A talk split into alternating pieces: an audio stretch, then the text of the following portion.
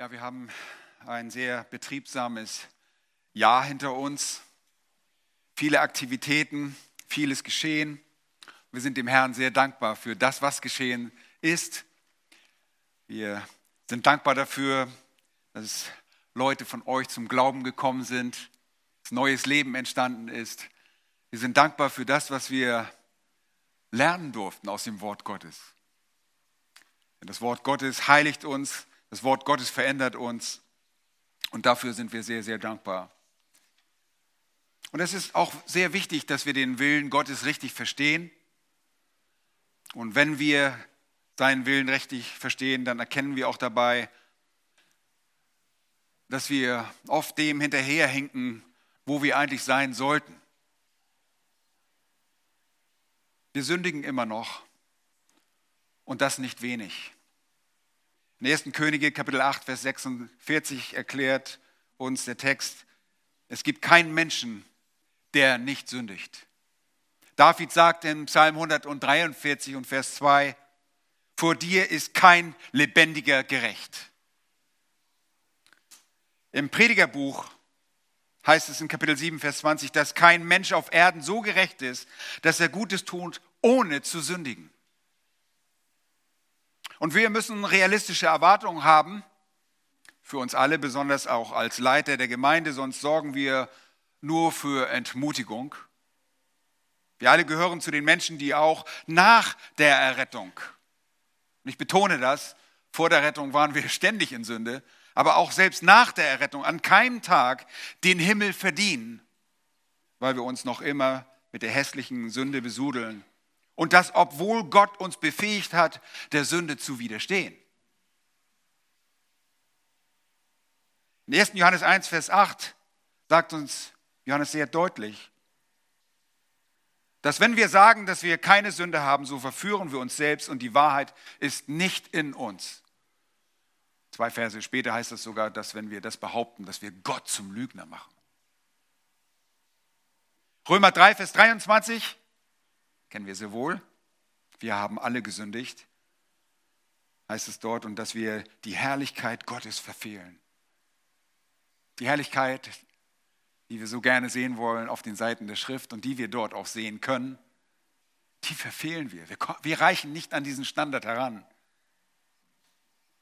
Und wir sollten sie vor Gott haben, heißt es dort in Römer 3, aber wir verfehlen sie mannigfaltig. Die Bibel überführt uns deutlich von der Sünde. Und Jakobus sagt in Kapitel 3, Vers 2, denn wir alle verfehlen uns vielfach. Die Elberfelder sagt es, wir straucheln oft. Und ihr Lieben, das stimmt mit den Aussagen Salomos. Und ihr wisst, in Sprüche 24, Vers 16 drückt er das so aus, dass der Gerechte fällt siebenmal, sagt er, und steht wieder auf. Da geht es nicht um ein physisches Hinfallen. Der von euch heute Morgen schon hingefallen ist, bezieht euch bitte nicht auf diesen Text. Ihr seid auch wieder aufgestanden, sonst wärt ihr nicht hier. Aber das ist nicht gemeint. Hier geht es um ein geistliches Stolpern.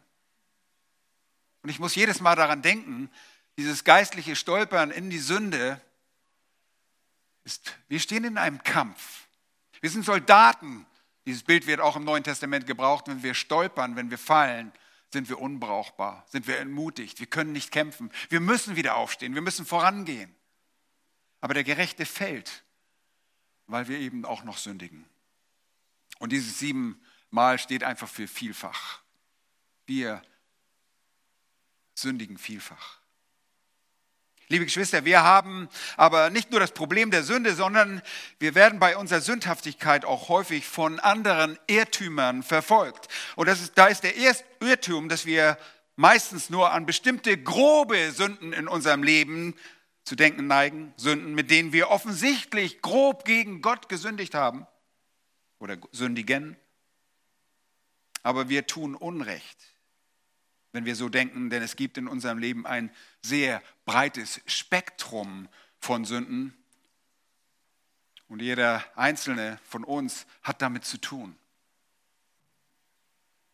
Anders von dir zu denken, käme dem Hochmut gleich. Das ist Stolz. Es gibt also viel mehr Schmutz und Verunreinigung bei uns, was Gott betrübt, als dass wir zu glauben meinen.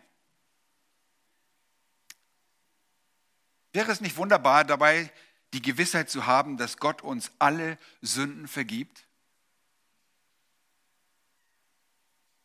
Manchmal, wenn wir in Sünde fallen, dann ziehen wir uns gelegentlich von Gott zurück und denken, nun, jetzt müssen wir uns quasi bewähren, damit Gott uns wieder annehmen kann, weil er so zornig über unsere Sünde geworden ist, dass er uns wohl kaum hören kann, selbst wenn wir die Sünde bekennen. Wir sind in solchen Sünden dann davon überzeugt, dass wir uns erst einmal selbst rehabilitieren müssen, dass wir, um Vergebung zu erlangen oder Gott zu besänftigen, zunächst einmal wieder Gehorsam beweisen müssten. Und so ziehen wir uns quasi von Gott zurück und warten, bis wir uns wieder besser fühlen. Und dann denken wir nach einer gewissen Zeit wieder besser von uns und bilden uns somit auch ein, dass wohl auch Gott so langsam wieder versöhnt sein müsste. Welch ein Irrtum. Ihr Lieben, solch ein Denken ist verkehrt.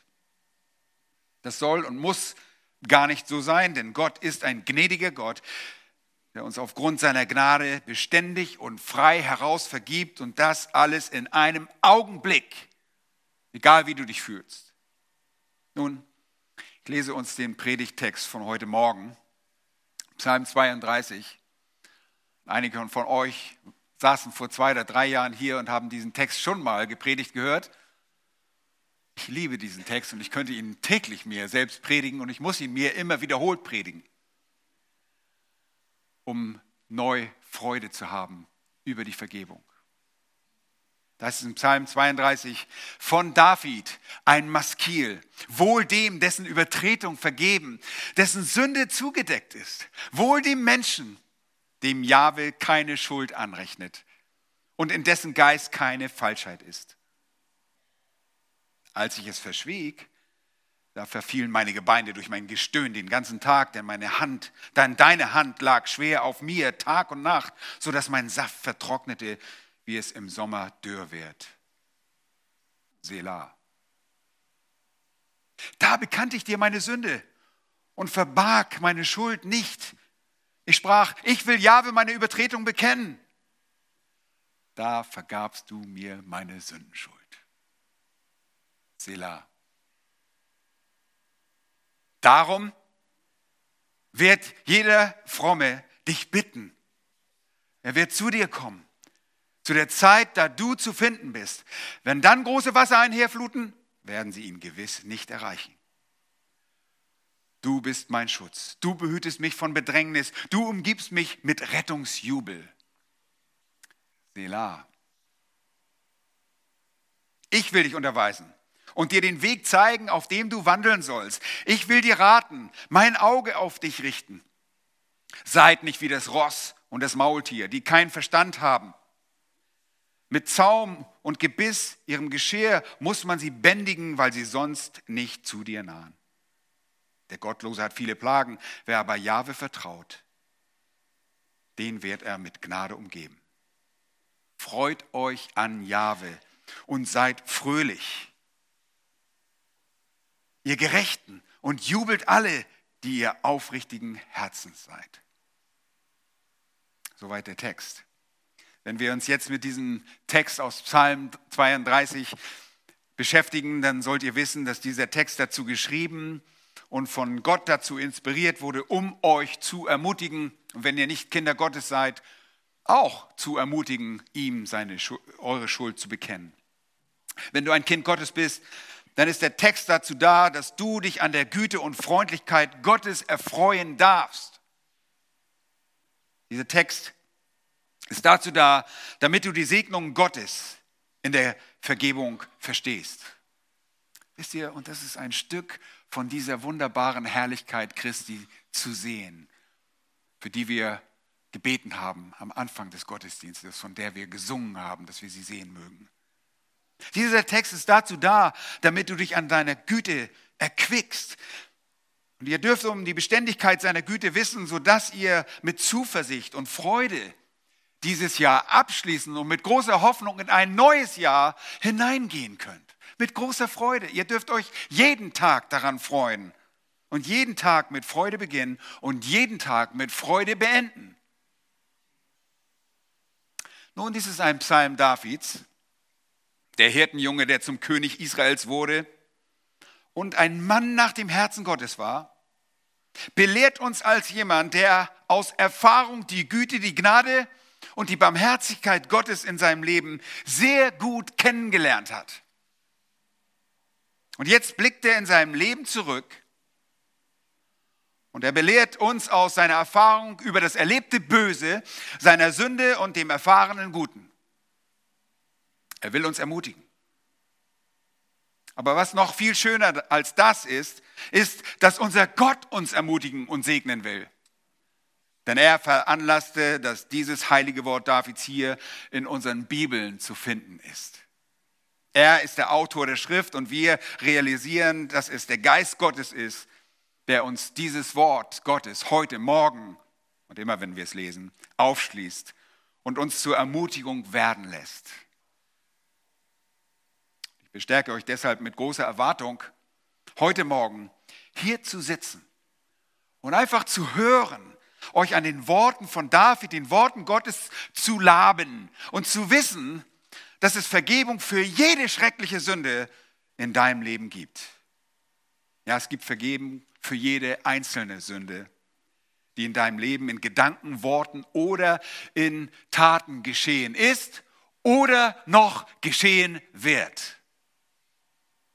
Und wir alle dürfen wissen, dass diese Sünde gesühnt und getilgt wurde wir aufatmen können, weil wir so einen guten und so einen gnädigen Gott haben. Nun, der Psalm 32 gehört zu einer Reihe von Bußpsalmen, so wie auch Psalm 6, Psalm 38, 51, Psalm 102, 130, 143. Und der Hintergrund ist vermutlich derselbe wie von Psalm 51, Davids Sünde des Ehebruchs mit Bathseba und die Veranlassung der Tötung ihres Mannes Uriah. Nachzulesen sind diese geschichtlichen Ereignisse in 2 Samuel 11. Wir wollen uns heute Morgen nicht Zeit dafür nehmen, das nachzulesen, aber die Geschichte ist allgemein sehr gut bekannt. Wie die meisten Ausleger, so glaube ich, dass dieser Psalm, das Psalm 32 nach Psalm 51 geschrieben wurde und das Versprechen Davids aus Psalm 51, Vers 15 erfüllt. Was steht dort? Ich lese euch das vor. Dort im Psalm 51 betet er und sagt ab Vers 14, Gib mir wieder die Freude an deinem Heil und stärke mich mit einem willigen Geist.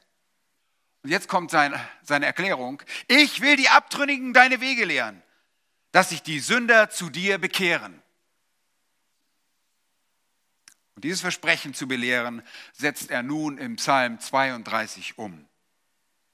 Er selbst hat die Freude der Vergebung erfahren und jetzt belehrt er Sünder, sodass sich die Sünder willig zu Gott kehren. Er ist nicht disqualifiziert, er wird von Gott benutzt als ein Lehrer anderer. Und bei dieser freudigen Nachricht der Vergebung, wer wollte da sich nicht an Jahwe Gott wenden?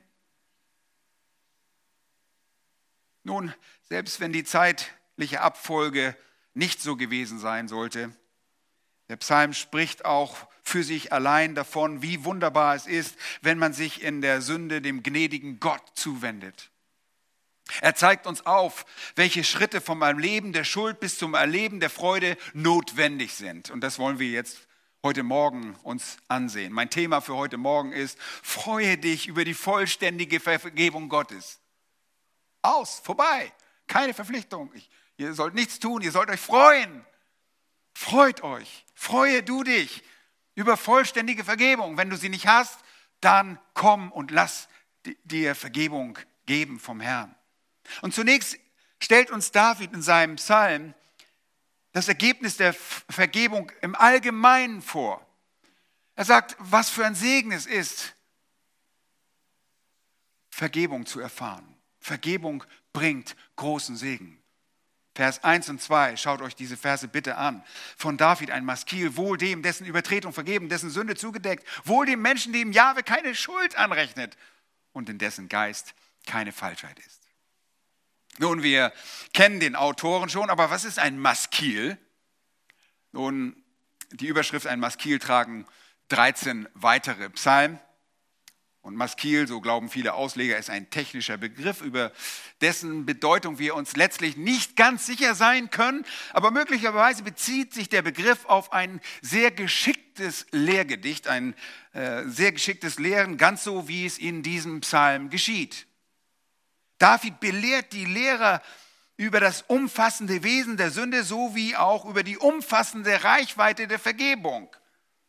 Und er macht das äußerst geschickt. Mit großer Fähigkeit lehrt er nicht nur als ein lebensferner Theoretiker, der die Sünde in seinem Leben nie voll verstanden hat, sondern als jemand, der bis zum Äußersten gedemütigt und darin belehrt wurde. Wie so oft, so finden wir auch hier das Thema in den ersten Versen des Psalms Vergebung, bringt dir Wohlsein, bringt dir Gottes Segen. Und David schafft mit diesen Worten eine Art Wunschatmosphäre, etwas, wonach man sich sehr ausstreckt.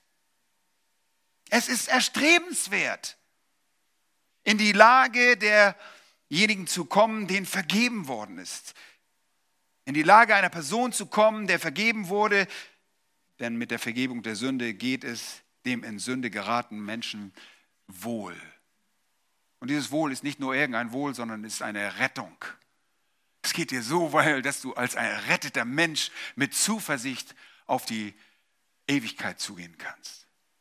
Fakt ist, dass dem vergebenen Sünder zunächst das Heil zuteil wird, aber ein in Sünde gefallener Mensch wird dem wird auch vergeben und er kann sich erneut freuen. Nun, geschickt und gelehrig zeigt David uns das umfassende Wesen der Sünde auf. Und zwar mit drei Worten in den ersten zwei Versen. Ihr müsst in diesem Text folgen. Dort finden wir das Wort Übertretung, dort finden wir das Wort Sünde und dort finden wir das Wort Schuld. Warum sagt er nicht ganz, einfach ganz schnell, dass ein Segen ist in die Sünde, Vergebung der Sünde, äh, die, die Erfahrung, die Vergebung der Sünde zu erleben? Warum sagt er das nicht ganz schnell? Nun, er will uns belehren. Und dafür benutzt er drei verschiedene hebräische Begriffe, um uns zu zeigen, wie umfassend die Sünde wirklich ist. Und der erste Begriff ist Übertretung. Und er beinhaltet den Gedanken der Rebellion gegen Gott. Übertretung drückt sich durch ein sich auflehnen gegen den Willen Gottes aus. Der Sünder sagt sich, ich gehe meinen eigenen Weg. Gott, ich brauche dein Gesetz nicht. Und so rebelliert er gegen ihn und deshalb verfehlt der sündige Mensch das Ziel. Und das ist das, was der zweite Begriff Sünde genau zum Ausdruck bringt und auch impliziert, das Ziel zu verfehlen. Das ist der zweite Begriff, Sünde. Erstens Übertretung, zweitens Sünde. Und Sünde ist Zielverfehlung, gewissermaßen wie ein Bogenschütze, der auf ein Ziel abzielt, aber den Pfeil, sein Pfeil, sein Ziel verfehlt. Und so rebelliert der Sünder erstens und als zweitens verfehlt er sein von Gott vorgegebenes Ziel. Der Sünder schießt mit seinem Leben an dem von Gott gegebenen Ziel vorbei. Der dritte Begriff hier in diesem Text, Schuld, drückt die Verdrehtheit, die Falschheit, die Verbogenheit oder die Perversion des Sünders aus. Und David gibt uns damit ein umfassendes Bild über das Wesen unserer Verderbtheit. Und er tut wirklich gut daran, denn er will uns helfen, dass wir umfangreich, dass wir erschöpfend über die Sünde in unserem Leben nachdenken. Nicht nur an ein paar prominente oder dominierende Sünden in unserem Leben. Er will, dass wir nicht nur bestimmte Sünden vor Augen haben. Er möchte sehen, dass wir alles verstehen, was gegen den Maßstab Gottes gerichtet ist. Denke nicht nur an die dominierende Sünde, die dich in deinem Leben zu beherrschen sucht, sondern werde verständig und halte einfach das ganze Bild der Verderbtheit dir vor Augen, wie du wirklich bist. Nun, du hast vielleicht die Tendenz, deine Verderbtheit in einem besonderen Bereich deines Lebens zu sehen.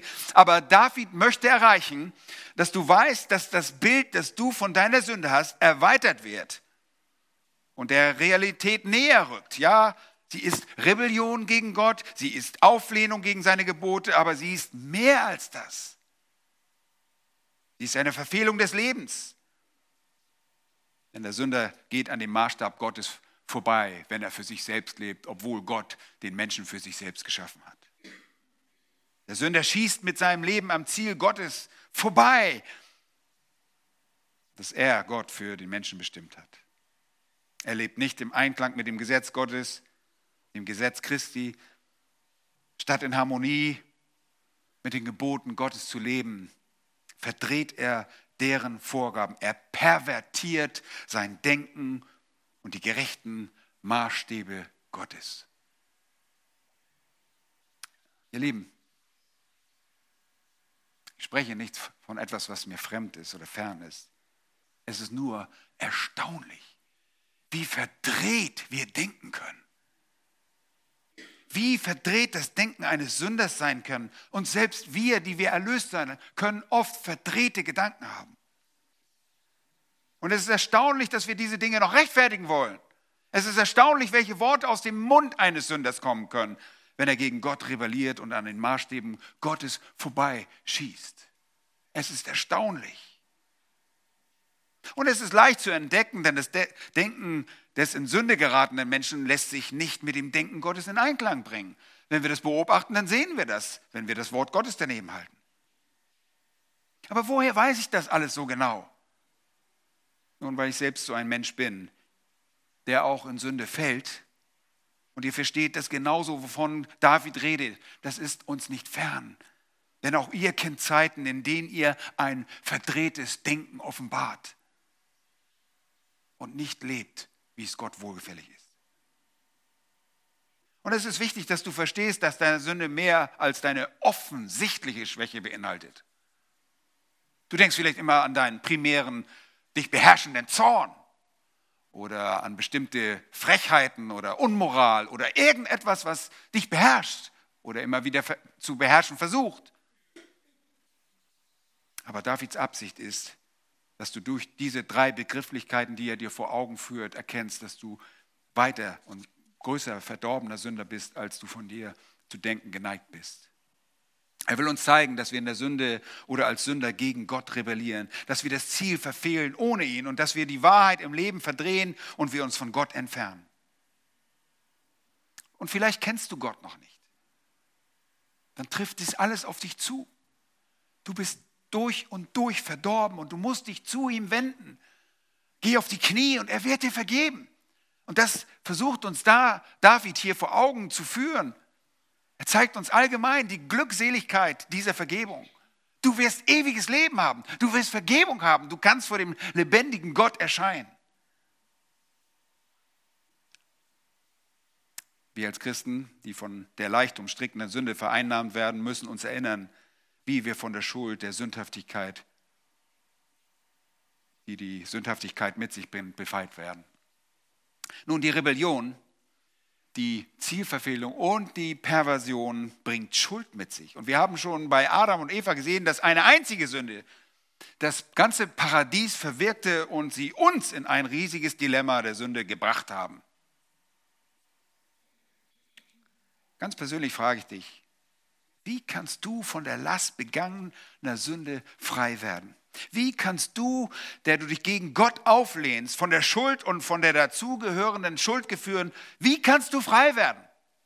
Nun, Psalm 32 ist dafür bestimmt, dass du die Antwort für diese Fragen bekommst. Und so wie David für das umfassende Wesen der Sünde drei Begrifflichkeiten benutzt hat, so gibt er parallel dazu äußerst geschickt drei Begriffe für die Vergebung in den ersten beiden Versen. David war sehr begabt, poetisch als Liedtexter sein ganzes Volk damit zu unterweisen. Ihr wisst um den lehrhaften Charakter von Liedern. Wie oft können wir uns an Lieder, Liedtexte erinnern und sie belehren unser Herz. Und so macht es David ganz geschickt. Mit diesen drei Worten, die diesen drei Worten der Sünde, der Tiefe der Sünde gegenüberstehen, zeigt er die drei Worte der Vergebung, der Breite der Vergebung Gottes. Schaut einmal in den Text. Wohl dem, dessen Übertretung vergeben ist das erste Wort, dessen Sünde zugedeckt ist das zweite Wort und wohl dem Menschen, dem Jahwe keine Schuld anrechnet, ist das dritte Wort. An dessen Geist keine Falschheit ist, sagt er noch zusätzlich. Die drei Begriffe, die den Begriffen der Sünde gegenüberstehen, sind also vergeben, sind zudecken und der dritte wird negativ ausgedrückt, nicht anrechnen.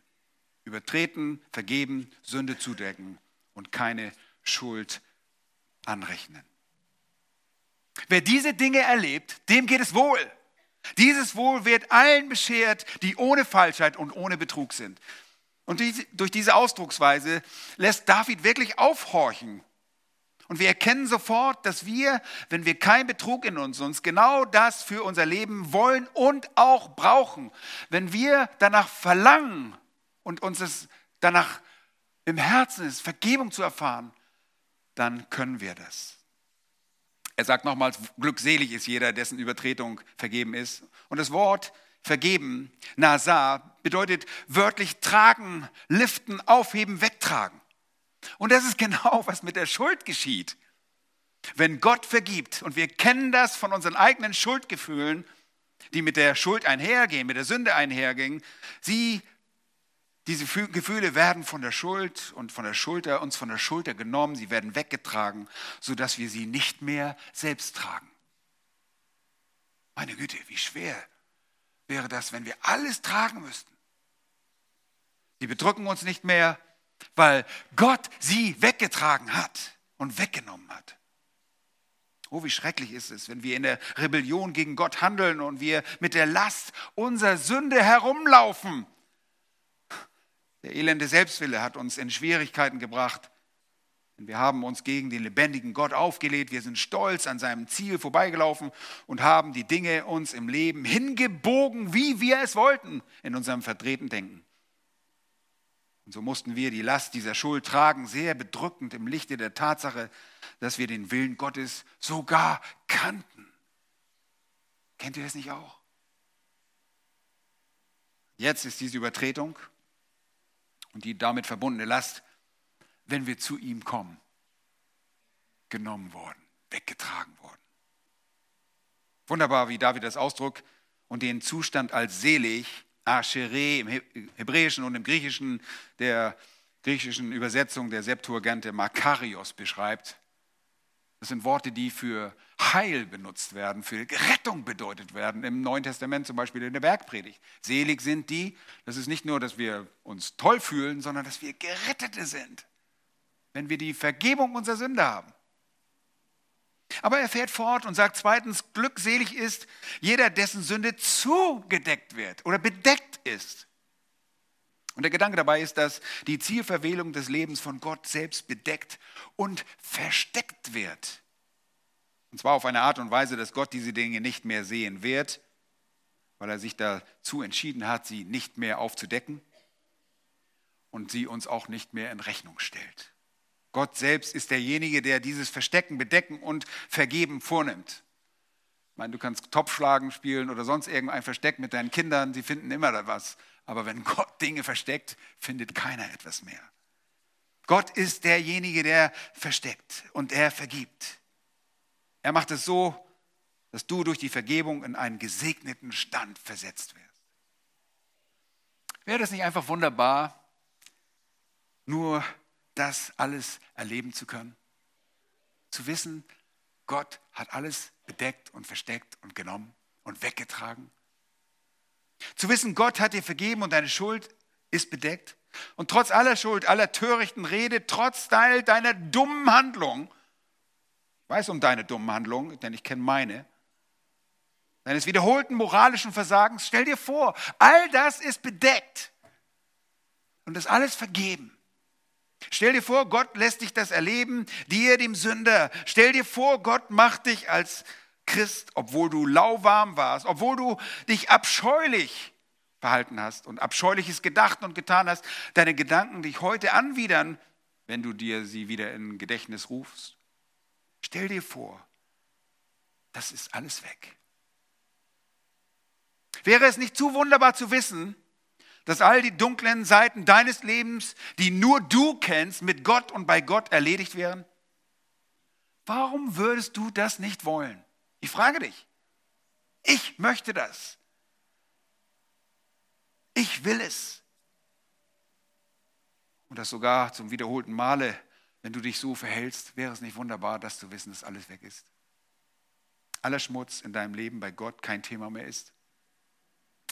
Nun, der Prophet Micha, der war völlig außer sich, als er darüber nachdachte und wusste, dass es bei Gott möglich war. Und diese Worte Michas haben wir sogar vertont, Micha 7, Vers 18, in ein Lied umgeformt. Wer ist ein Gott wie du, der die Sünde vergibt und dem Überrest seines Erbteils die Vertretung erlässt, der seinen Zorn nicht alle Zeit festhält, sondern Lust hat an der Gnade, der Lust an der Gnade hat. Was für ein Segen. Ein Segen, der von jedem erfahren werden kann. Wohl dem. Glückselig jeder, der das erlebt. Willst du das nicht? Nun, ich kann dir das offen sagen. Ich möchte das wirklich und ich brauche das, denn ich habe diese Vergebung bitter nötig. Aber schaut einmal, es geht noch weiter in Vers 2, dieser dritte Begriff, wo die Seligpreisung wiederholt wird, wohl dem Menschen, dem Jahwe keine Schuld anrechnet. Und hier geht es um einen Begriff aus dem Rechnungswesen. Gott stellt dir deine Perversion, die Sünde und die Verdrehtheit deiner Gedanken und Taten, die auch Taten beinhaltet, nicht mehr in Rechnung. Die Verdrehungen deines Lebens werden nicht auf Gottes Schuldschein, werden nicht auf seine Rechnung gesetzt. Du bist, was die Schuld anbetrifft, frei, nicht mehr ein Schuldner Gottes. Wie wunderbar ist das? Und ich bin so erleichtert, diese Wahrheit zu lesen und sie zu kennen. Und ich fordere dich einfach mit diesem Text auf. Nur allein schon an dieser allgemeinen Vorstellung der Glückseligkeit der Vergebung. Freue dich über die vollständige Vergebung Gottes. Denn sie ist ein Segen. Und das gibt es nur bei unserem Gott. Die gibt es nicht in der Beichtekammer oder Beicht, auf dem Beichtstuhl irgendwo, sondern das geht, wenn du zu Gott kommst. Das hätte sich kein Mensch ausdenken können. Gottes Segen ist einmalig und er hebt die Schuld der Rebellion von deiner Schulter, entlastet dich und bedeckt deine Zielverfehlung so, dass sie kein Thema mehr sein werden, jetzt und auch in der Zukunft nicht.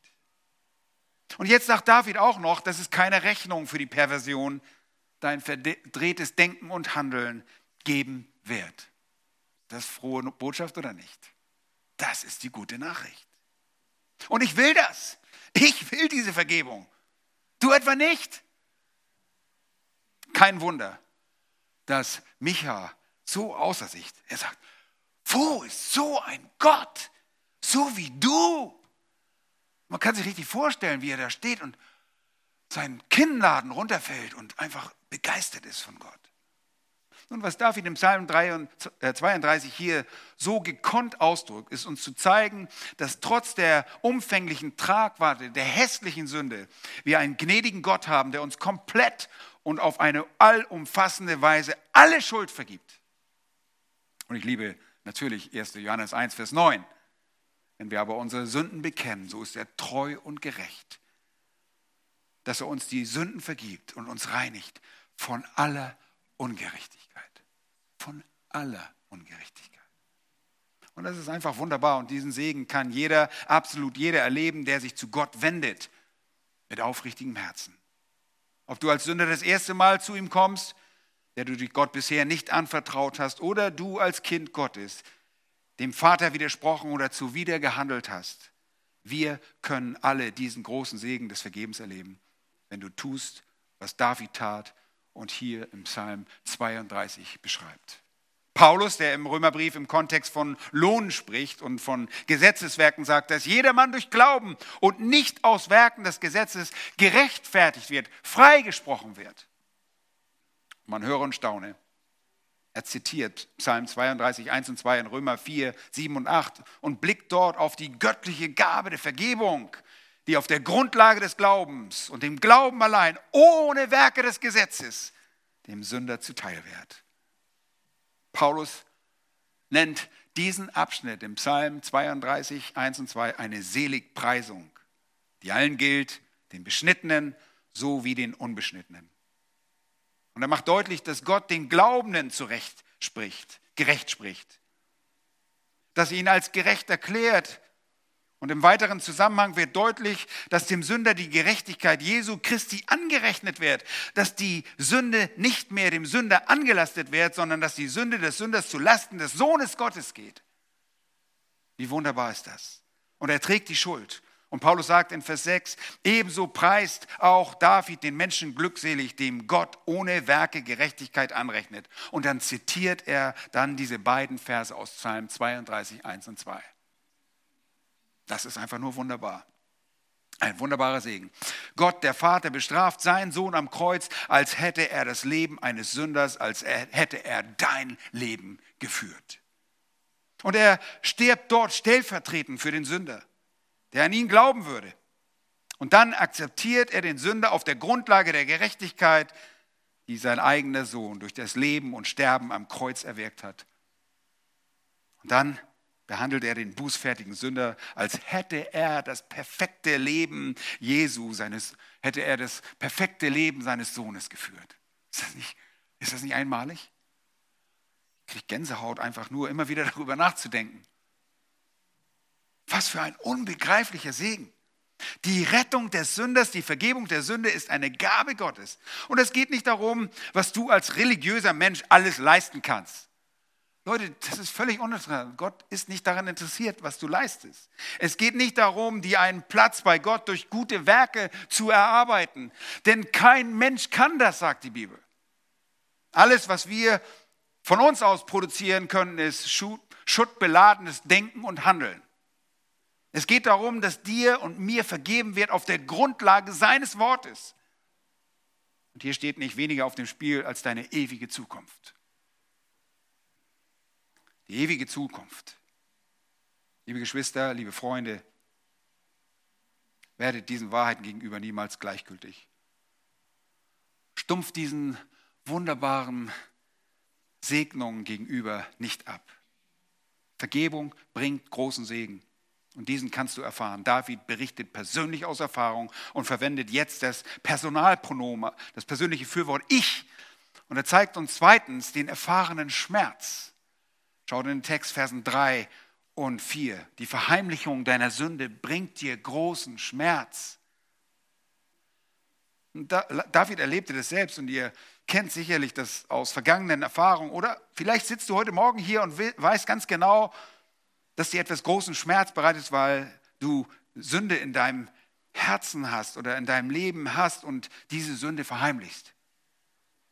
Nun, bevor David die Segnung der Vergebung erlebte, verheimlichte er seine Sünde. Er versteckte seine Sünde. Er rationalisierte seine Sünde und verschwieg diese Sünde. Und er schreibt davon in Versen 3 und 4, da heißt es, als ich es verschwieg, da verfielen meine Gebeine durch mein Gestöhn den ganzen Tag, denn deine Hand lag schwer auf mir Tag und Nacht, sodass mein Saft vertrocknete, wie es im Sommer dürr wird. Selah. Diese Worte gaben dem Psalm auf einmal einen ganz anderen Ton. Oh, das ist unschön, was wir hier da lesen. David berichtet vom persönlichen Seelenschmerz, sogar vom physischen Leid, von psychosomatischen Auswirkungen, bedrückende Worte. Er spricht ja von dem Segen der Vergebung und jetzt wechselt die Szene ins Persönliche und er blickt zurück. Er blickt in eine Zeit, in der er seine Sünde nicht anerkannte und sie verdrängte und sie, ver und sie leugnete. Und das war dann, dass er das ganze Gewicht dieser Schuld persönlich spürte, den ganzen Tag über. Und wann immer er aufwachte, auch in der Nacht. Warum? denn die Hand Gottes lag schwer auf ihm. Er war unter der Zucht Gottes. Er wurde gezüchtigt. Und sein Gewissen war beschwert, sein Körper erschlaffte und er stöhnte von der Last der Schuld, die er zu verstecken suchte. Und er war saftlos und wie das Gras in Israel, das vertrocknet und das im Sommer sehr schnell dürr wird. Und er weigerte sich für viele Monate mit der Sünde richtig umzugehen. Kennt die Geschichte. Also, als Gott Nathan schicken musste, das dauerte und dauerte. Und er spürte in dieser Zeit die große Last in sich und hatte einfach keine Energie mehr für die Dinge des Alltags. Und er hatte wirklich viel zu tun als König des Volkes. War nicht irgendwie nur so einer, der da oben auf dem Thron saß und sich anbieten ließ, sondern er hatte große Geschäfte zu tun für das Land. Und all diese Geschäfte, all dieses Handeln geriet in Stocken. Die Situation war so bedrückend wie die Sünde, die er begangen hatte. Und David als Autor besitzt als begabter Dichter und Musiker jetzt die Einsicht, dass er hier ein musikalisches Pausezeichen gesetzt hat. Das bedeuten, glauben wir und viele Ausleger glauben, dass dies die Bedeutung von Selah ist. Ihr merkt, wir, wir lesen das Wort Selah mit. Was, was, soll das? Kann ich nichts mit anfangen. Nun, das ist ein Pausezeichen, nimmt man an, ein musikalisches Zwischenspiel wird hier eingesetzt. Warum? Hier muss der Leser, der Sänger und Zuhörer innehalten und eine Denkpause einlegen. Und das ist das erste von drei dieser Pausen in diesem Psalm. Dieses Selah sagt indirekt, denk jetzt nach, pausiere, bevor du weiterliest, bevor du weiter singst. Gib Raum zum Nachdenken. Kennst du nicht dieses Gefühl? Dieses bedrückende Schamgefühl, wenn du etwas ausgefressen, wenn du gesündigt hast und die Dinge nicht bereinigt hast? Oh, was für eine Last, wie die Last dieser Schuld auf dir lasten kann, ist, ist erdrückend. Es ist so, wie David es beschreibt. vielleicht sitzt du sogar heute hier und weißt genau, dass die Dinge, die du gerade tust oder nicht tust, sündig vor Gott sind. Und sie sollen dich bedrücken, damit du davon ablässt. Du weißt ganz genau, dass eine oder mehrere Angelegenheiten in deinem Leben vielleicht nicht korrekt sind und trotzdem verharrst du darin. Du bist nicht natürlich, du bist nicht du selbst. Und wenn du deine Sünde versteckst und tolerierst oder sie rechtfertigst, dann lastet das auf dir, wenn du ein Kind Gottes bist. Und statt dich mit deiner Sünde auseinanderzusetzen und dich mit David hier zu identifizieren und zu sagen, ich kann im Segen sein, wenn ich göttliche Vergebung erlebe, stürzt du dich noch mehr in alles Mögliche, in Aktivitäten, die toll aussehen, aussehen mögen, vielleicht sogar in Zurückgezogenheit, selbst in Selbstverteidigung. Du rechtfertigst deine Handlung. Achtet mal darauf. Das ist interessant. In dem Moment, wo wir im Gottesdienst sitzen als Zuhörer und anfangen, irgendwas rechtfertigen zu wollen, was wir getan haben, dann bist du höchstwahrscheinlich im Irrtum und lebst in Sünde. Wir brauchen unsere Sünde nicht rechtfertigen. Wir sollen Sünde zu Gott bringen. Wir sind Sünder. Nun, vielleicht sind die Dinge deinem, in deinem Leben aus dem Lot geraten. Wenn du das bist, dann tu das, was David dir sagt und auch selbst tat. Lass dich nicht durch die Verheimlichung deiner Sünde davon, deiner Sünde davon abbringen, in den Segen Gottes zu kommen. Denn das Verstecken der Sünde bringt immer großen Schmerz mit sich. Bekenne Gott dein Versagen und Übertretung. Er kennt sie sowieso. Was tat David? Was war seine Lösung? Wie will er uns belehren? Nun, er dachte offensichtlich an dieser Stelle als geplagter Mensch selbst nach. Und als Resultat seiner Erwägungen bekannte er dem Herrn seine komplette Sünde. Und er erntete dafür volle Vergebung. Und wir müssen voran, der dritte Punkt, den David uns lehrt, ist der Segen dieser vollständigen äh, Vergebung. Er ist die Erfahrung der Vergebung von Sünde, Vers 5. Das Bekenntnis deiner Sünde bringt dir vollständige Vergebung. Schaut einmal. David erkennt hier die Herzenskälte inmitten seines Geplagtseins und der Verheimlichung der Sünde, dass er vor Gott schuldig geworden ist und er legt sie offen dar. Und im Psalm 51, ähm, Verse 5 und 6, sehr bekannte Verse, drückt er das so eindeutig aus. Da sagt er, ich erkenne meine Übertretung und meine Sünde ist alle Zeit vor mir. An dir allein habe ich gesündigt und getan, was böse ist in deinen Augen, damit du Recht behältst, wenn du redest und dein rein dastehst, wenn du richtest. Bringt keine Ausreden für seine Sünde. Er rechtfertigt sich nicht. Er sucht die Schuld nicht in den Umständen. Er sucht sie nicht in, vermeintlichen, in seinen vermeintlichen Rechten. Er wälzt die Last der Schuld nicht auf andere ab. Tun wir auch immer sehr gerne, oder? Wir suchen immer irgendwo, können wir nicht einen Ausweg finden, dass jemand anders schuld ist an dem, was ich verkehrt mache. Er tut es nicht. Er bringt uns keine oberflächliche Erklärung nach dem Motto, nun, ich bin einem nun mal nicht perfekt, ich bin halt nur menschlich. Das sagt er nicht. Er sieht, wie in Vers 5 beschrieben, die weitreichende Tragweite seiner eigenen Sündhaftigkeit, indem er alle drei Begriffe der Sünde aus den Versen 1 und 2 hier in dem Schuldbekenntnis direkt vor seinem Gott verwendet. Das ist so interessant. Und das macht einen riesigen Unterschied. Bitte beachtet in Vers 5 das wiederkehrende, besitzanzeigende Fürwort für meine, Vers 5. Da bekannte ich dir meine Sünde und verbarg meine Schuld nicht. Ich sprach, ich will Jahwe meine Übertretungen bekennen. Da vergabst du mir meine Sündenschuld. Und wieder ein Selah. Denkt nach. Seht ihr, er sieht seine Sünde in der ganzen Tiefe und Weite und demütigt sich. Diese drei umfassenden Begriffe, die mit den drei Begriffen der Vergebung in Verse 1 und 2 verknüpft sind, benutzt er für sich, wenn auch in einer etwas anderen Reihenfolge. Aber sie drücken aus, dass er verstanden hat, was in seinem Leben vor sich ging. Das ist kein oberflächliches Nachplappern, Herr, vergib mir meine Schuld, falls ich heute irgendwas getan habe nach dem Motto, ich habe ja keine Ahnung, dass ich überhaupt ein Sünder bin. Lasst uns äh, das aus unserem Wortschatz streichen. Falls du hast gesündigt und nenne diese Sünde beim Namen und bring sie zu Gott.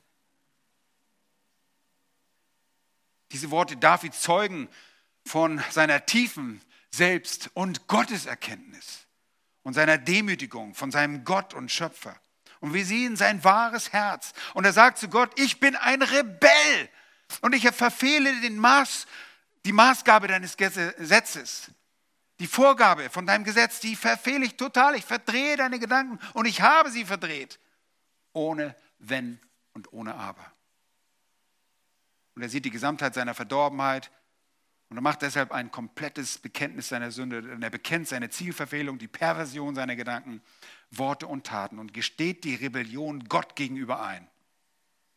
Und so beendet er das Versteckspiel der Sünde.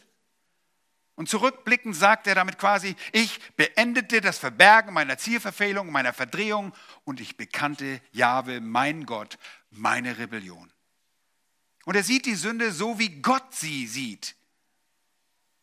Und setzte dem Ganzen ein Ende aus dem Schmerz heraus und kommt von der Errettung seines Gottes in den Segen Gottes. Und diesen Segen führt er in diesem Vers gleich als das Resultat dieses Bekenntnisses an. Da sagt er, du vergabst mir dein, meine Sündenschuld. Puh. Selah, denk nach. Du vergabst mir alles. Unglaublich.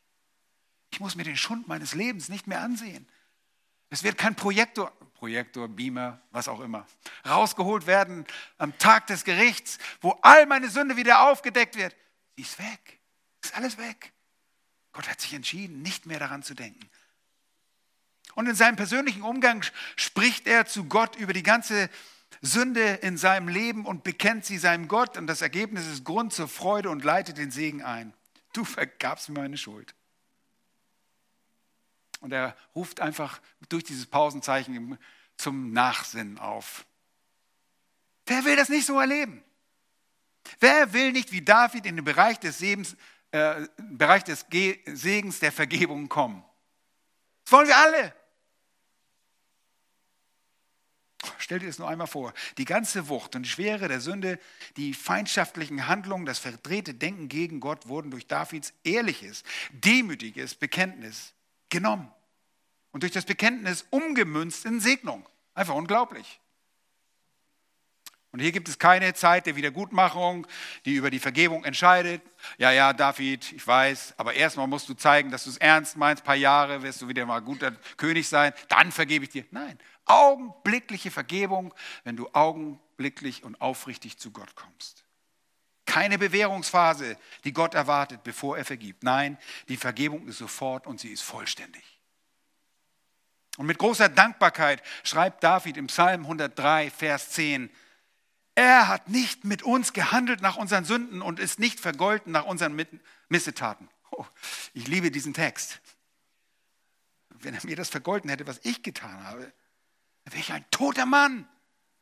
Und Gott suchte keine Vergeltung für Davids Söhne, Sünde. Und das wird er auch bei dir nicht suchen, wenn du deine ganze Sünde dem Herrn anvertraust und ihm bekennst. Lieber Freund, wenn du nicht deine ganze Sünde mit aller Entschlossenheit dem Herrn bekennst, dann wirst du auch nicht in den Segen Gottes mit der vollständigen Vergebung kommen. Bist du ein Kind Gottes? Warum hältst du immer noch so viel von dir? Warum glaubst du, es gebe irgendetwas Gutes in dir? Bist du der Meinung, dass du dein Gesicht vor Gott wahren musst und deshalb deine Sünde nicht bekennst? Hält dich dein Stolz anderen Menschen gegenüber zurück? Möchtest du, dass andere von dir besser denken, als du es wirklich bist? Zieh einen Schlussstrich mit diesem Versteckspiel. Ich weiß, dass du nichts tauchst. Ich weiß, dass du durch und durch verborgen bist, weil Gott es in seinem Wort von jedem Menschen sagt. Warum machst du dir dann immer noch etwas selbst vor? wenn du dich gedemütigt hast, warum vergleichst du dich noch mit anderen Menschen, deren Sünde möglicherweise vor den Menschen ans Licht gekommen ist, während du im Versteckspiel bisher einen besseren Job getan hast? Warum besitzt du ein Selbstwertgefühl und denkst nach gewissen frommen Aktivitäten, dass du besser wirst als dein Nächster? Warum? Du bist es nicht. Warum kommst du dir im Vergleich mit anderen Menschen, die bei ihrer Umkehr zu Gott aus schlechteren Verhältnissen kamen als du und deshalb vielleicht öfter sündigen, immer noch besser vor? Warum kommst du dir besser vor? Bekenne Gott deine ganze Sünde mit aller Entschlossenheit dann kannst du den Segen des Herrn erleben. David sagt im Psalm 103 weiter, denn so hoch der Himmel über der Erde ist, so groß ist seine Gnade über denen, die ihn fürchten. So fern der Osten ist vom Westen, hat er unsere Übertretungen von uns entfernt. Psalm 103, Vers 11 bis 12. Erstaunlich. Und jetzt, nachdem David seine Sünde bekannt hatte, belehrt er uns. Und du fragst dich vielleicht, warum ich mich mit David so gut identifizieren kann? Nun, Nichts ist einfacher als das. Ich bin ein nicht geringerer Sünder, als David es war. Und ich bin ein ebenso verdorbener Mensch, der nicht an einem einzigen Tag ohne die Gnade Gottes vor einem heiligen Gott bestehen könnte. Aber weil auch ich Gott meine Sünde bekenne und ich die Tiefe meiner Sünde zu verstehen beginne, ich bin noch längst nicht da angekommen, lebe ich jetzt im Segen Gottes. Und ich muss meine Sünde des Öfteren und wiederholt bekennen. Und ich betone auch immer wieder im vollen Bewusstsein, dass ich noch viel elender bin, als ich jetzt in der Lage von mir zu verstehen vermag. Es ist schwierig davon zu reden, weil der Mann, der hier beschrieben wird, dem Prinzip nahm, ich bin. Und ihr Lieben, nur weil ich ein begnadigter Sünder bin, der auch in Fort Bestehen der Gnade lebt so wie David, deshalb möchte ich euch diese Dinge lehren. Ganz wie David, belehren durch die Worte Davids, aber letztlich durch die Worte, die der Heilige Geist in der Schrift uns hier hinterlassen hat. Und ich bin mir bewusst, dass unreife Christen immer wieder fragen, wie es sein kann, dass David ein Mann nach dem Herzen Jahwes bezeichnet werden konnte. Ja, 1 Samuel 13, 14. Nun, das ist ganz einfach. Schau dir die Bibel an und was sie über diesen Mann, sein Denken, seinen Charakter offenbart. Und das wird dich überzeugen. Davids Denken war durch eine anhaltende Liebe zu Gott gekennzeichnet. Das war das Muster in seinem Leben. Wenn, das, wenn du das irgendwie anders siehst, dann mache ich dir einen Vorschlag. Und ihr kennt diesen Vorschlag schon. Schreibe einmal deine Geschichte samt all deiner Motive, Gedanken und Handlungen auf und bewerb dich bei Gott für ein 67. Buch in der Bibel. Er wird vielleicht erst hinzufügen als das Buch des elenden Versagers. Aber Spaß beiseite. David war dir gewiss in der Geistlichkeit weit voraus. Deshalb höre auf ihn, lass ab von deiner Sünde, vertraue deine ganze Sünde dem Herrn an und er wird dir vollständig vergeben. Sprüche 38, Vers 13 heißt es, 28, Vers 13 heißt es, wer seinen Verbrechen zudeckt, wird keinen Erfolg haben. Wer sie aber bekennt und lässt, wird Erbarmen finden. Und 1. Johannes 1, 9, wenn wir unsere Sünden bekennen, ist er treu und gerecht, dass er uns die Sünden vergibt, uns reinigt von jeder Ungerechtigkeit. Seht ihr, Gott ist stets bereit, euch alle eure Sünden zu vergeben. Und zwar sofort. Und du musst sie ihm nur vollständig bekennen. Und damit meine ich nicht jede Sünde, denn nicht jede Sünde wird dir einfallen. Da wirst du Riesenprobleme haben, weil du so viel sündigst aber die dir bekannten und deutlich gewordenen und das ganze Paket deiner Verderbtheit kannst du ihm bringen und sagen, Herr, ich bin so, wie du über mich in deinem Wort schreibst. Ich bin ein Sünder durch und durch. Ich brauche die ganze Vergebung. Wir müssen nicht in der Vergangenheit rumkramen und suchen, habe ich noch irgendwo was, habe ich noch irgendwas, habe ich noch irgendwas. Das wird der Herr dir schon zeigen. Er vergibt dir alles, wenn du mit aufrichtigen Herzen kommst. Gott freut sich darüber wenn du zur Einsicht kommst, wie wir das bereits bei Micha gesehen haben. Er hat Lust an der Gnade. Wo ist solch ein Gott, der Lust an der Gnade zur Vergebung hat? Ihm gefällt es zu vergeben. Wisst ihr nicht, dass es Gottes Güte ist, wenn er euch zu Buße führt, sagt Römer Kapitel 2? Es ist Gottes Güte und er hat Freude daran. Und es ist seine Herrlichkeit. Er bezeichnet sogar seine Gnade als Teil seiner großen Herrlichkeit. Nun, wie sieht es bei mit mir aus. Ich kämpfe mit meiner Sünde und falle oft wieder in dieselbe, die Sünde, die ich dem Prinzip nach so abgrundtief verabscheue. Sie hält mich immer wieder zum Narren. Kann Gott mir das überhaupt vergeben? Wie soll ich ihm damit nur begegnen? Ich kann doch nicht schon zum fünften Mal in dieser Woche zu ihm kommen wegen derselben Zielverfehlung. Das geht doch nicht. Doch, das geht. Lieber Bruder, liebe Schwester, bitte Sie Gottes Gnade nie durch die Augen deiner eigenen Versagen, sondern glaube ihm aufgrund seiner Worte. Und wenn du mit der Sünde nicht zurechtkommst, wenn du sagst, oh, ich habe das schon immer wieder bekannt und ich falle immer wieder, dann such Rat und lass dich in dieser Angelegenheit stützen und dir helfen. Lass dich bei deiner Vergebung nicht durch ein mit Sünde besudeltes Gewissen verwirren. Ja, das Gewissen wird frei, Gott wird es schenken. Manchmal denken wir, oh, wir sind nicht mehr gläubig, weil wir das getan haben. Nun, stimmt, die Sünde, die wir tun, ist auch einem Christen nicht entsprechend. Aber Gott ist größer. Lass dich nicht durch den Rat anderer unwissender Christen verunsichern, die sagen, jetzt bist du aus der Gnade gefallen, jetzt bist du kein Christ mehr. Du warst vorher einer, aber weil du gesündigt hast, bist du es nicht mehr. Nun, die Frage soll sein, bist du ein Christ? Und wenn du einer bist, dann bleibst du auch bei ihm, selbst wenn du sündigst. Der Apostel Johannes schreibt und er sagt, daran erkennen wir, dass wir aus der Wahrheit sind. Und damit werden wir unser Herzen vor ihm stillen, dass wenn unser Herz uns verurteilt, Gott größer ist als unser Herz und alles weiß. Die Bibel ist sehr deutlich, wenn es um die Vergebung deiner Sünde geht. Bekenne ihm aufrichtig alle deine Vergehung, deine Rebellion, deine Verfehlung und deine Verdrehtheit mit der Entschlossenheit, ihm zu gehorchen. Und er wird dir vergeben. Ja, selbst dann, wenn du künftig wieder fallen solltest. Und du wirst fallen. Gott ist eifrig und sehr gewillt, dir in deiner gebrochenen Geisteshaltung zur Vergebung. Wann? Wenn du dich bewährst? Nein, augenblicklich und ohne Zögern. Und das bringt uns in Zeitverzögerung, aber zu dem vierten Punkt. Und ich mache hier weiter, weil ich sehe, ihr seid immer noch alle da. Noch ist keiner weggelaufen. Das bringt mich zu Davids vierten Punkt. Und er hat eine Systematik dort. Jemand, dem vollständig vergeben wurde, lässt sich durch bestimmte Gewohnheiten und Segnungen charakterisieren. Und hier müsst ihr sehr vorsichtig aufpassen, was ich jetzt sage. Da lese ich euch aus dem äh, Text aus der Elberfelder von 1905, ist es, glaube ich, die Fünfer-Übersetzung. Da heißt es, deshalb wird jeder Fromme zu dir beten, zur Zeit, wo du zu finden bist. Okay? Vielleicht steht bei euch, deshalb soll jeder Fromme oder Gerechte zu dir kommen. Aber ich, ich lege das, äh, ich nehme, bevorzuge hier die indikative, also die, diese Wirklichkeitssonne. deshalb wird jetzt jeder Fromme zu dir beten, zu der Zeit. Aufgrund dieser Vergebung wird jeder kommen und wird Gott suchen.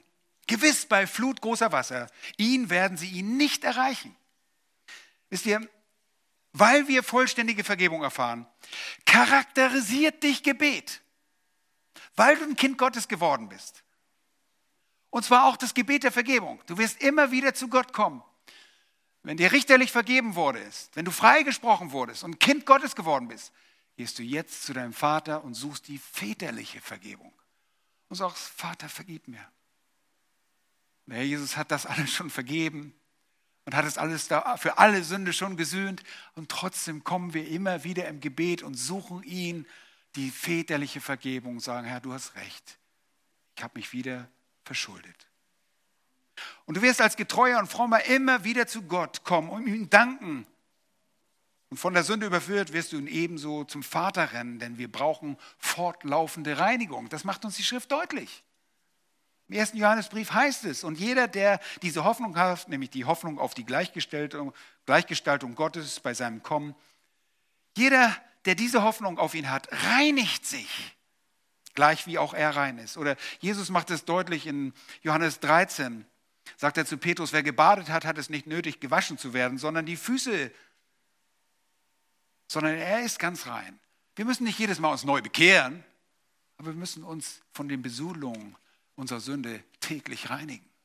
Und das tun wir und das charakterisiert uns. Als Getreuer musst du nicht jedes Mal von anderen auch zurechtgewiesen werden. Du wirst wesensmäßig zu Gott kommen und bekennen. Und er vergibt dir deine Vergehung und über Verunreinigung. Aber nicht nur das. Lest mal schnell weiter in dem Text. Er wird dich auch unter einen besonderen Schutz stellen wie hier bildlich ausgedrückt, und mit gewiss bei Flut großer Wasser, ihn werden sie nicht erreichen. Und das spricht nicht von den Tsunamiwellen in Indonesien, die ihn nicht erreichen werden, sondern im Lichte der misslichen Lage, wie durch Hochwasser illustriert. Sagt David, wird Jahwe den Getreuen, den Frommen, den Gläubigen bewahren. Wir werden nicht weggeschwemmt durch den Morast dieser Welt und durch Angriffe. Welch ein Grund zur Freude. Und das durfte David immer wieder erleben. Die großen Fluten waren bei David die Feinde, die ihn umgaben und ihn nichts antun konnte, konnten, weil unser Gott ihm Schutz gewährte. Da heißt es, du bist mein Schutz, du behütest mich vor Bedrängnis, du umgibst mich mit Rettungsjubel. Selah, nachdenken. Interessant.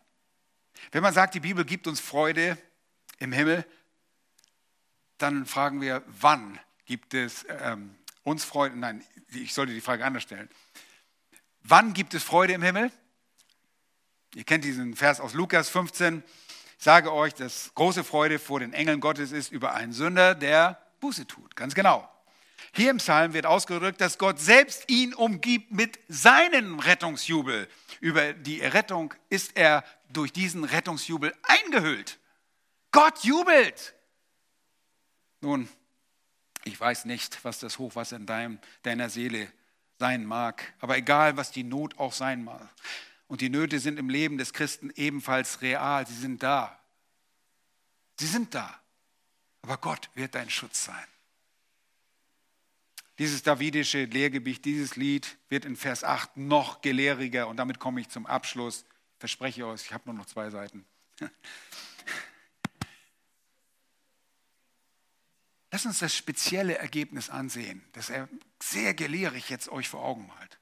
In den Versen 8 bis 11. Die Vergebung macht dich zu einem zurechtgewiesenen Ratgeber anderer. Der zurechtgewiesene David unterweist. Oh, oh. Vers 8. Ich will dich unterweisen und dir den Weg zeigen, auf dem du wandeln sollst. Ich will dir raten, mein Auge auf dich richten. Viele Ausleger sehen hier Gott als den Sprecher. Ich glaube, dass David, der zurechtgewiesene König, selbst spricht und dass Gott durch die Erfahrung von David zu uns spricht. David lehrt und erfüllt seine Worte aus Psalm 51, Vers 15. Und er belehrt die Abtrünnigen über die Wege Gottes, den Weg des Heils. Und er will diesen Leuten raten als ein zurechtgewiesener Sünder. Und er macht das sehr persönlich, denn er liebt das Volk Gottes. Er sagt, ich will dir raten und mein Auge auf dich richten. Und das bedeutet so viel wie jemanden mit teilhabender Liebe anzuerkennen. Und als König war ihm das möglich. Indem er für das Recht im Land sorgte und als Richter fungierte. Er wollte sie aus Liebe belehren. Im Psalm 20, Vers 6, äh, Sprüchen 20, Vers 6 wird das Augenmerk des Königs negativ ausgedrückt. Da heißt es, ein König, der auf dem Richterstuhl sitzt, findet mit seinen Augen jeden Bösen heraus. Sprüche 20, 8. Hier aber ist das Anliegen eine liebende Zurechtweisung. Er belehrt sie als ein Zurechtgewiesener, weil er sein Volk liebt. In Vers 9 wird der Zurechtgewiesene zum Ermahner. Er ermahnt. Seid nicht wie das Ross und das Maultier, die keinen Verstand haben, sagt er. Mit Zaum und Gebiss ihrem Geschirr muss man sie bändigen, weil sie sonst nicht zu dir nahen. Sagt, seid nicht so wie Tiere. Die haben kein, kein Gehirn, das auf solche Sachen eingeht. Ja, besonders das Maultier als besonders stures Tier dargestellt. Und wer mal mit solchen Tieren umgegangen ist, der weiß darum. So sollen wir nicht sein. Lass dich belehren. Demütige dich. Sei bereit, das zu tun, was Gott sagt. Und dann klärt er auf in Vers 10, ich muss einfach kurz zusammenfassen, da heißt es, der Zurechtgewiesene klärt auf. Und David klärt auf und er sagt, der Gottlose wird viele Plagen haben. Wenn du dich nicht zu Gott kehrst, du wirst einfach viele Plagen haben. Wer aber Jahwe vertraut, den wird er mit Gnade umgeben. Und Salomo sagt vom Gottlosen, denn er plagt sich jeden Tag mit Kummer und Ärger, sogar in der Nacht hat sein Herz keine Ruhe. Prediger 2, 23. Der Gottlose hat niemanden, dem er glaubt, nur an sich selbst. Und deshalb ist er verzweifelt. Leute, wenn ich mir selber glauben würde, dann wäre ich auch verzweifelt. Und deshalb ist der Gottlose auch enttäuscht, weil seine Hoheit, seine eigene Majestät nicht in der Lage ist, die Sorgen im eigenen Leben zu ändern. Ja, sieht sich als Majestät an. Er sieht sich selbst als Gott an. Er kann nicht zur Ruhe kommen. Stattdessen wird er die Schuld für seine Misere bei anderen suchen. Der Gottlose sucht immer die Schuld bei anderen. Jakobus sagt das mal so deutlich, der, äh, weil die Empfänger waren im Leid. Und er sagt, wenn ihr auf den Herrn wartet, dann seufzt nicht gegeneinander. Der Richter steht vor der Tür. In Jakobus 5, Vers 9. Sehr leicht, sich gegen andere zu wenden.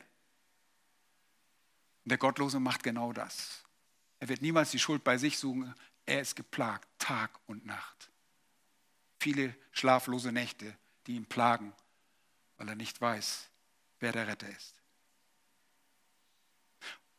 Und die unverdiente Gunst derjenigen, die vertrauen, ist Gnade. Unverdiente Gunst wird uns umgeben, ein Wohlwollen Gottes ohne Ende. Und dann der letzte Vers.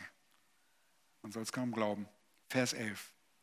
Der Zurechtgewesene ermuntert. Und das ist einfach so schön. So wunderbar. Freut euch an Jahwe, seid fröhlich, ihr Gerechten, und jubelt alle, die ihr aufrichtigen Herzens seid. Sich an Jahwe zu erfreuen. Nehemiah sagte, Nehemiah 8, Vers 10, die Freude an Jahwe ist eure Stärke. Er ist so gut. Und ich darf sogar versagen, ich kann wieder zu ihm kommen. Menschen haben mal die Nase voll von uns, aber Jahwe Gott steht bereit, uns Gutes zu tun. Und dann sagt er, seid fröhlich. Und er fordert dazu auf. So ähnlich wie Paulus das im äh, Philipperbrief tut in Kapitel 4, Vers 4. Freut euch, freut euch alle Wege.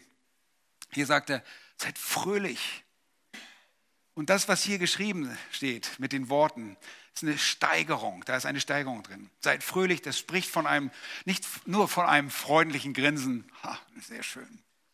Nein, sondern das ist eine Aufforderung zu kreischen. Und ich weiß, bei der letzten Predigt habe ich das versucht zu tun, aber Männer können nicht so erfolgreich kreischen. Das können Frauen, das überlassen wir denen. Und zwar ekstatisch, rauschhaft, vor Freude kreischen. Uns ist vergeben. Stellt euch das mal vor. Kreischt, berauscht als Gerechte, denn Gott stellt die Beziehung durch Vergebung augenblicklich wieder her. Das ist die Freude, die wir erleben können, wenn wir zu ihm kommen dieses Jubeln am Ende.